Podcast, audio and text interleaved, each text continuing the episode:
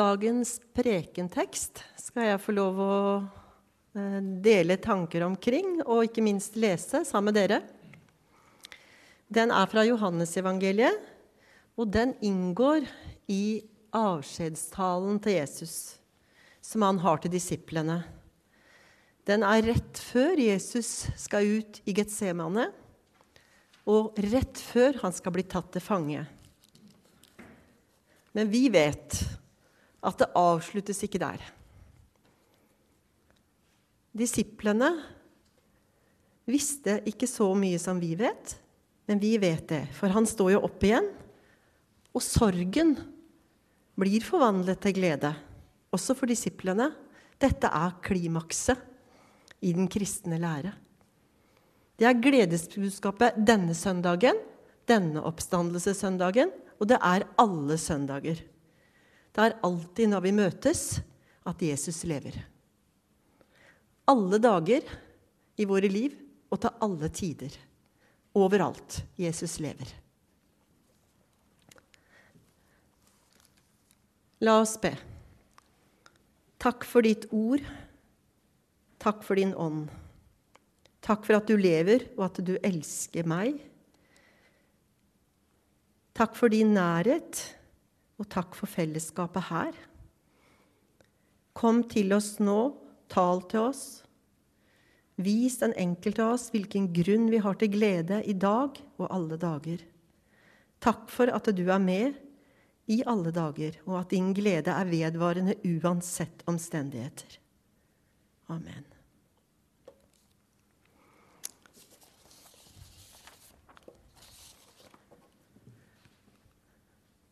Jeg har lyst til å ta dere litt med inn i Jesu avskjedstale. For det er noe med disse kort, bare sånn kort før jeg skal lese teksten, for det er noe med disse tekstene som er så, de er så avbrutt. Når du skal forberede deg sånn til en tale, så blir du så klar over at det, ah, det var det som sto før og etter. Og det er så mye mer. Og så leser du disse tekstene sånn som Tor Henrik leste, og så hører de sammen med deg. Og så blir du nesten litt sånn tatt av Skal jeg bare snakke om dette lille? Ja, det passer godt når vi skal bare ha en kort periode sammen, men allikevel så henger det sammen med så mye. Eh, jeg har veldig, funnet veldig stor nytte da, av å se denne prekenteksten i dag i sammenheng med akkurat dette her. Hva har skjedd før? Jo, I Johannes evangeliet så er det altså 13, 14, 15, 16, 17, altså fire kapitler. Eh, lange kapitler hvor Johannes bruker sin skribent tid eller omfang til å skrive om fra denne talen. Han er ikke som Matteus. på en måte. Han skriver ikke bare ned at det var en tale, og skriver noen av de sitatene han hadde, men han utdyper det, slik som Jesus antagelig også gjorde. Og det er noen temaer som uh, går igjen. For han repeterer, og han går i dybden, Johannes, når han refererer det som ble sagt. Det er om uh, fellesskap og enhet, og det er mellom Gud og Faderen og Jesus. Og det er fellesskapet mellom disiplene og Jesus. Og det er mellom oss kristne. Så fellesskap er et sentralt ord i, eh, i, i, talen, i, i avskjedstalen. Og det å elske. Og han utdyper hva det er å elske Gud. Hva vår kjærlighet til Gud er. Det er rett og slett å holde fast på Hans ord. Det som blir sagt, det som han gir til oss i sitt ord, det er å elske han og holde fast på det. Og han sier, 'Bli i meg og bli i min kjærlighet'. Elsk hverandre. Så er det en annen eh, som også går, at vi ikke er av verden. Disiplene de vil bli hata av verden. Det var noe av det Arvid eh, eksemplifiserte i starten, med åpne dører. eller det som står, Og vi også opplever det at vi, vi blir hatet av verden fordi vi er ikke av verden. Det poengterer han. Og at vi skal få Den hellige ånd. Det kommer rett etter eh, det kapitlet her. I, I, kapittel 17 så skriver, varsler eh, Johannes, eller Jesus da, i den talen her, at talsmannen vil bli sendt. Og at Ånden skal da minne dem på alt det Jesus har sagt. Det som vi har da fått nedskrevet, det skal Den hellige ånd minne oss på. Så når vi leser Guds ord, så får vi en påminnelse. Og den ånden er også i oss. Men det kommer da som et løfte etter dette kapittelet, etter dette avsnittet her. Og så helt til slutt så ber han for vennene sine. Han ber for vennene sine. Kan vi tenke oss noe større? Å be for hverandre? Så det, disse kapitlene i Johans evangeliet er så rikholdige. Så la oss sammen lese teksten. Ja, og kanskje litt liten, da, du hadde en litt større tekst. Men jeg får ta den sånn. Dere får høre, dere som ikke klarer å se den.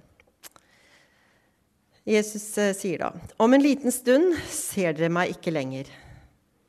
Men om en liten stund igjen skal dere se meg. Da sa noen av disiplene hans til hverandre, hva mener han med å si?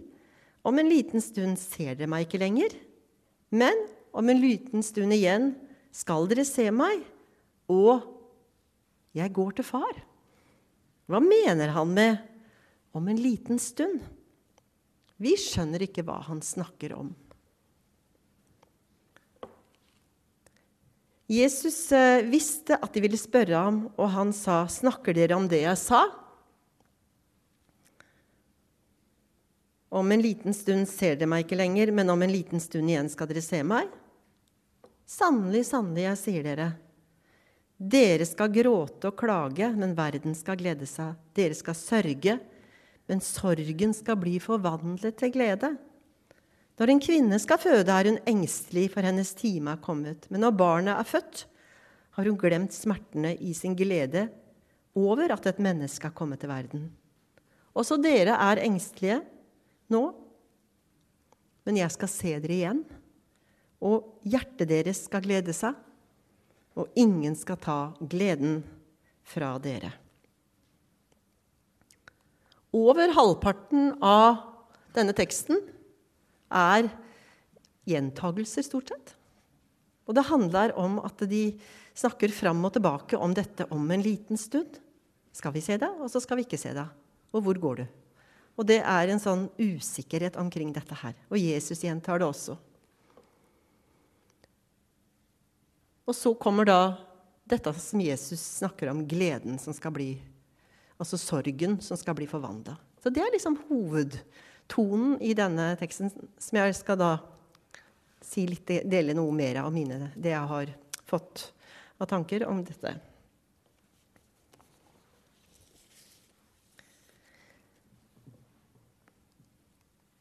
Det er liksom selve den derre tidsangivelsen som er veldig sentralt her.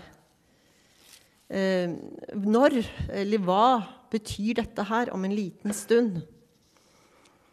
Ehm, og her er det, Vi kan lese at Jesus har berørt det temaet her tidligere i talen sin også. Og det har vært uforståelig for dem. Jesus har sagt at de vil forstå det senere noen ganger.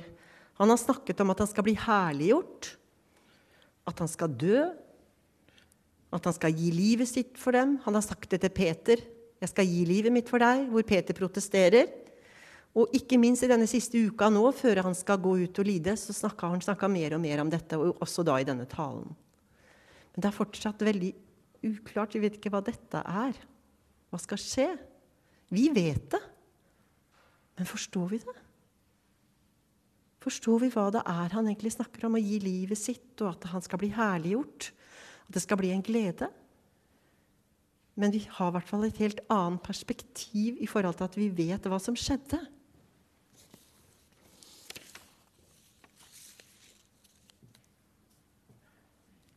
Kanskje når Jesus da snakker om dette her, at han skal eh, snakker om glede som nei, sorg som blir forvandla til glede. En kvinne som eh, skal føde, og som har smerte og skrik. Og som det, det, akkurat det samme blir til en glede. Hva er det han snakker om?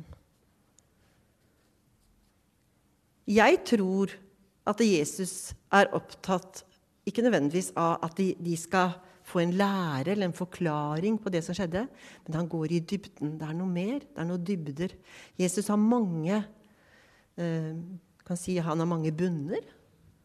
Han er ikke en, Noen ganger så svarer han veldig konkret. Og andre ganger så, svarer, så ser vi i tekster at han har mange bunner. Han svarer så ikke vi forstår. Jeg tenker kanskje at han er en veldig god pedagog. At han faktisk gir menneskene og oss noe som vi kan leve på hele livet, og det er helt til vi skal dø, helt til vi også blir herliggjort. Han konkretiserer verken på tid eller rom. For han sier at han skal gå til far. Hva er det? Og han konkretiserer ikke på tid når det skal skje. Vi vet at det var om tre dager. Men så handla jo som sagt også denne teksten om gråt, klage, sorg, engstelse og glede. Og det gir oss pekepinn på at det er noe mer. Det er noe større, det er noe flere bunner her. Så det svaret som Jesus gir, det kan vi kanskje si at det har doble bunner, som jeg nevnte. De skal se han igjen. Det er det som det virkelig står om. Dere skal se meg igjen. Skal, og det skal skje på, om kort tid. Og det er på påskedagen. Da skjedde det. Da så de han. Og de så han flere ganger etterpå det. Og de så han på Kristi himmelfartsdag. Og, de så han, eh, og de, da så de han reiste fra dem. Men da, hvis vi husker, da var de glade. Da var de glade. Sorgen var vendt til glede. Men så er det også en bunn med at det er smerte og engstelse i verden. Men det skal ikke ta gleden fra disiplene eller fra oss. Kristne, vi opplever eh, smerter, utfordringer, problemer. Ingen er fritatt fra det. Men det er denne gleden som Jesus er opptatt av. Han nevner i det bildet for å få den dybden i det, men det er denne gleden og hva det er.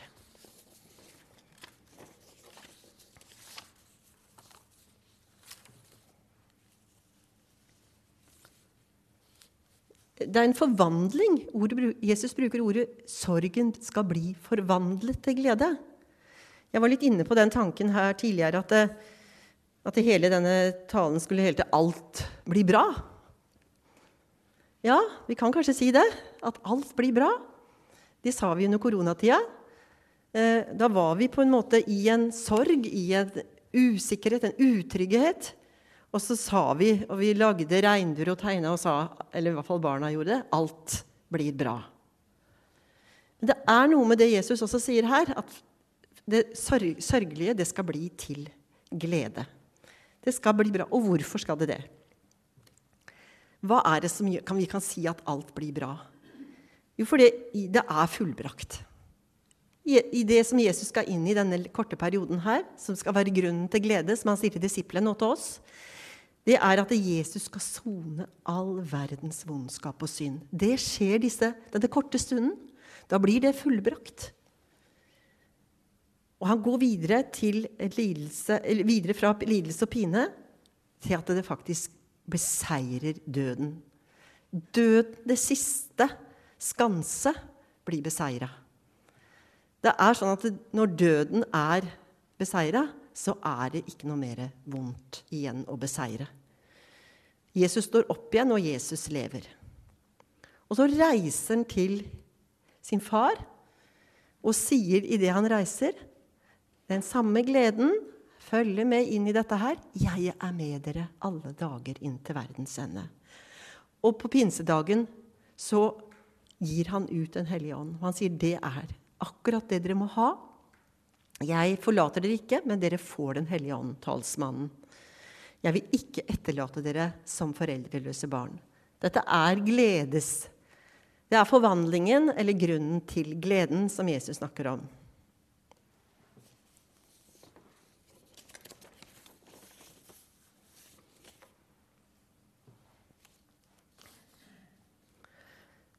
Ja, og hva med når Jesus sier 'ingen skal ta gleden fra dere'. Flere av disiplene døde jo martyrdøden med glede. Denne gleden som, vi, som Jesus snakker om.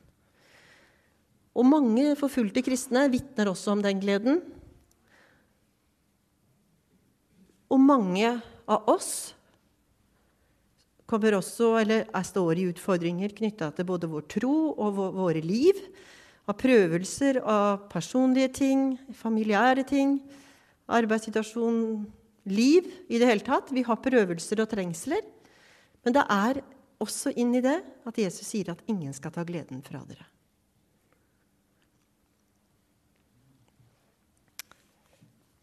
En av lesetekstene i dag var fra Filippebrevet. Og mm, Paulus han er i fengsel. Han er midt i dette, og han sier eh, Jeg mener ikke at jeg alt har nådd dette, eller at alt er fullkommen, eller alt er fullkommen, men jeg jager fram mot det for det å gripe det, fordi jeg selv er grepet av Kristus Jesus. Mine søsken, jeg tror ikke om meg selv at jeg har grepet det, men én ting gjør jeg. Jeg glemmer det som ligger bak, og strekker meg etter det som er foran. Og jager fram mot målet, mot den seiersprisen som Gud fra det høye har kalt oss til i Kristus Jesus. Det kunne nesten vært sånn mindfulness, som en skal liksom jobbe med og se framover og legge ting bak seg. Men vi kan det. Ikke fordi at vi skal bare jobbe med det, men fordi Gud, Den hellige ånd, gir oss den retningen for å kunne stå i ting og holde ut til målet er nådd. Og videre, i kapittel 4 i Filippe-brevet, så oppmuntrer eh, Paulus menigheten med å si 'gled dere i Herren'. Han bruker det samme. Gled dere. Gled dere. Så gledesbegrepet, gleden, er veldig sentral. Gled dere i Herren. Igjen vil jeg si gled dere. La alle mennesker få merke at dere er glade. Ikke sånn at vi kanskje har en sånt uttrykk av å være veldig fresh og i farta, og sånn, men at vi er glade i Herren, det er en dybde. Og jeg tror det er den dybden Jesus også sier noe om, at skal, sorgen skal bli forvandla til glede.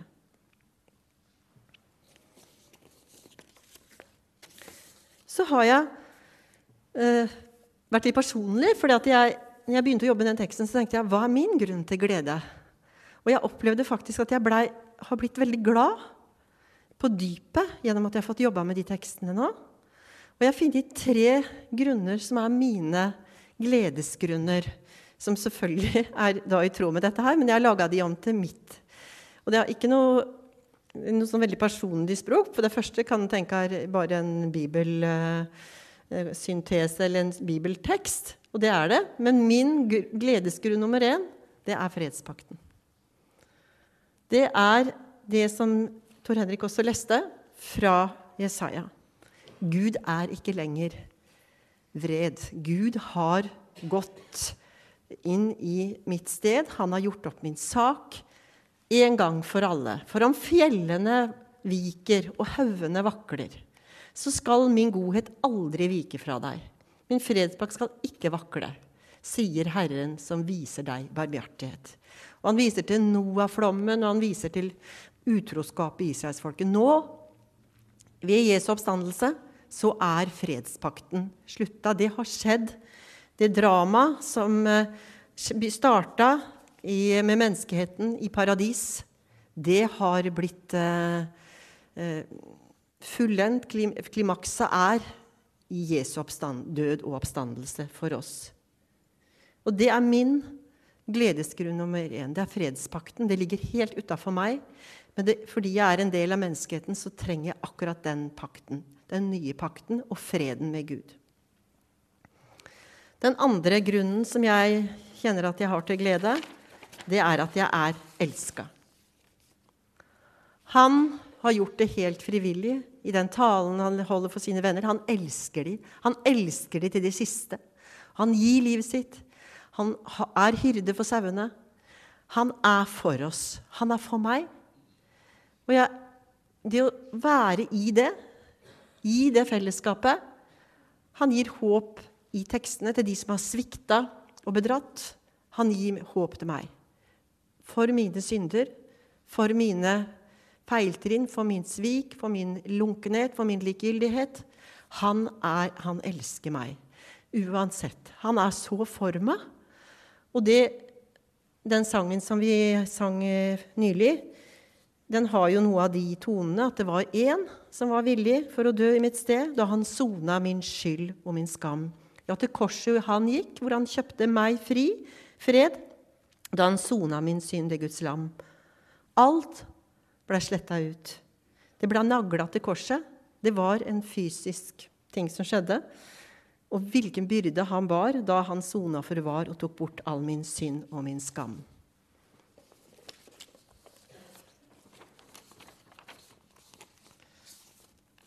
Den siste og tredje gledesgrunnen som jeg har eh, stoppa ved, da, det er mitt vennskap med Jesus. Det er også mye av det Jesus uh, trekker oss inn i denne talen. Jeg har et ikon uh, som er ganske kjent, som kanskje flere av dere også har sett før. Uh, det heter 'Jesus and His Friend'. Det er et gammelt sådant fra 600-tallet, fra Egypt. Og det, et ikon er jo noe da å feste blikket sitt på og ha liksom bibelske, kanskje bibelske motiver, eller i hvert fall noe som kan feste blikket på. Og det kan gi flere opplevelser å se på det. Men det gir for meg i hvert fall et uttrykk for fellesskap. Og det tenker jeg er helt i tråd med den avskjedstalen, som sagt. Um, fordi at han elsket oss først. Dette her er um, bildet til, eller Mannen til høyre har et kors bak sitt hode og er da et bilde på Jesus. Og han har en stor bok i hånda si. Det er Bibelen, Ordet. Og så går han sammen med eh, hans venn. Som eh, har eh, Det er ikke så lett å se det der, men eh, han har et øye som Det venstre øyet hans det skjener litt bortover, skjener litt bortover til venstre. Så han holder blikket alltid festa på Jesus, som går ved hans side. Og det andre øyet går jo da på høyre øye går rett fram. Og det som kanskje er det sterkeste i det ikonet, det er den høyre armen til Jesus, den holder rundt vennen. Så de har en nærhet og et fellesskap, og de går sammen. Og det å ha en venn som alltid er for deg Du skal ikke bidra noe med at du skal komme og prestere noe i det fellesskapet. Du skal få være og vite at han er der, og han, kan, han renser deg også. Vi ser ikke føttene der, men da er vi tilbake til den teksten som var rett før eh, Eller egentlig så er den ja, rett før den talen her, at Jesus vasker føttene til Peter. Og Peter sier at dette må jo ikke skje på denne måten. Men hvor Jesus sier at det er akkurat Hvis ikke vi kan, jeg kan vaske føttene dine når vi er sammen, så kan ikke vi ha noe sammen. Så i dette bildet her også, selv om ikke vi kan se det, så er nok disse føttene de går bare ned i noe eh, sement her. Eh, så er de nok litt, er minnet, i hvert fall, skitne. Og Jesus kan vaske de. Det er det som er vårt livsnerve, fellesskap, og min grunn til glede. Det siste um, som jeg skal lese nå, det er en tekst fra Johannes' åpenbaring. Som også handler om dette fellesskapet, men også inn i menigheten. Skal vi se hadde skrevet der.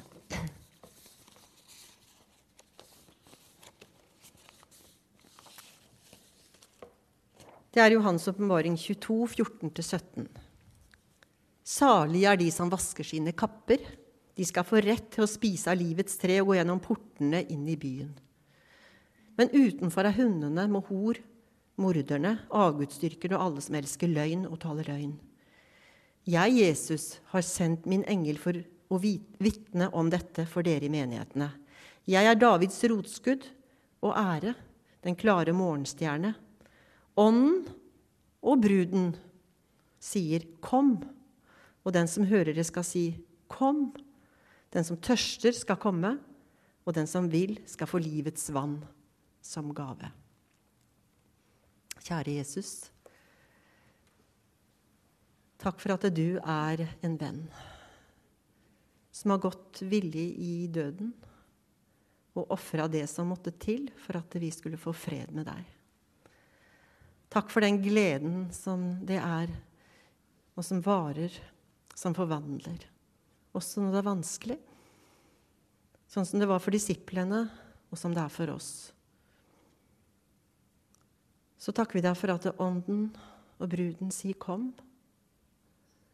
Vi er menigheten og bruden, og vi vil også si til de andre Kom, du må være med oss, Jesus, når vi skal vitne, når vi skal være i verden med det glade budskapet, som er din frelse og din fred for syndere. Velsign hver og en av oss og gi oss glede tilbake, eller gi oss ny glede, det vi trenger fordi du elsker oss. Amen. Så skal vi synge en sang som egentlig er i en sånn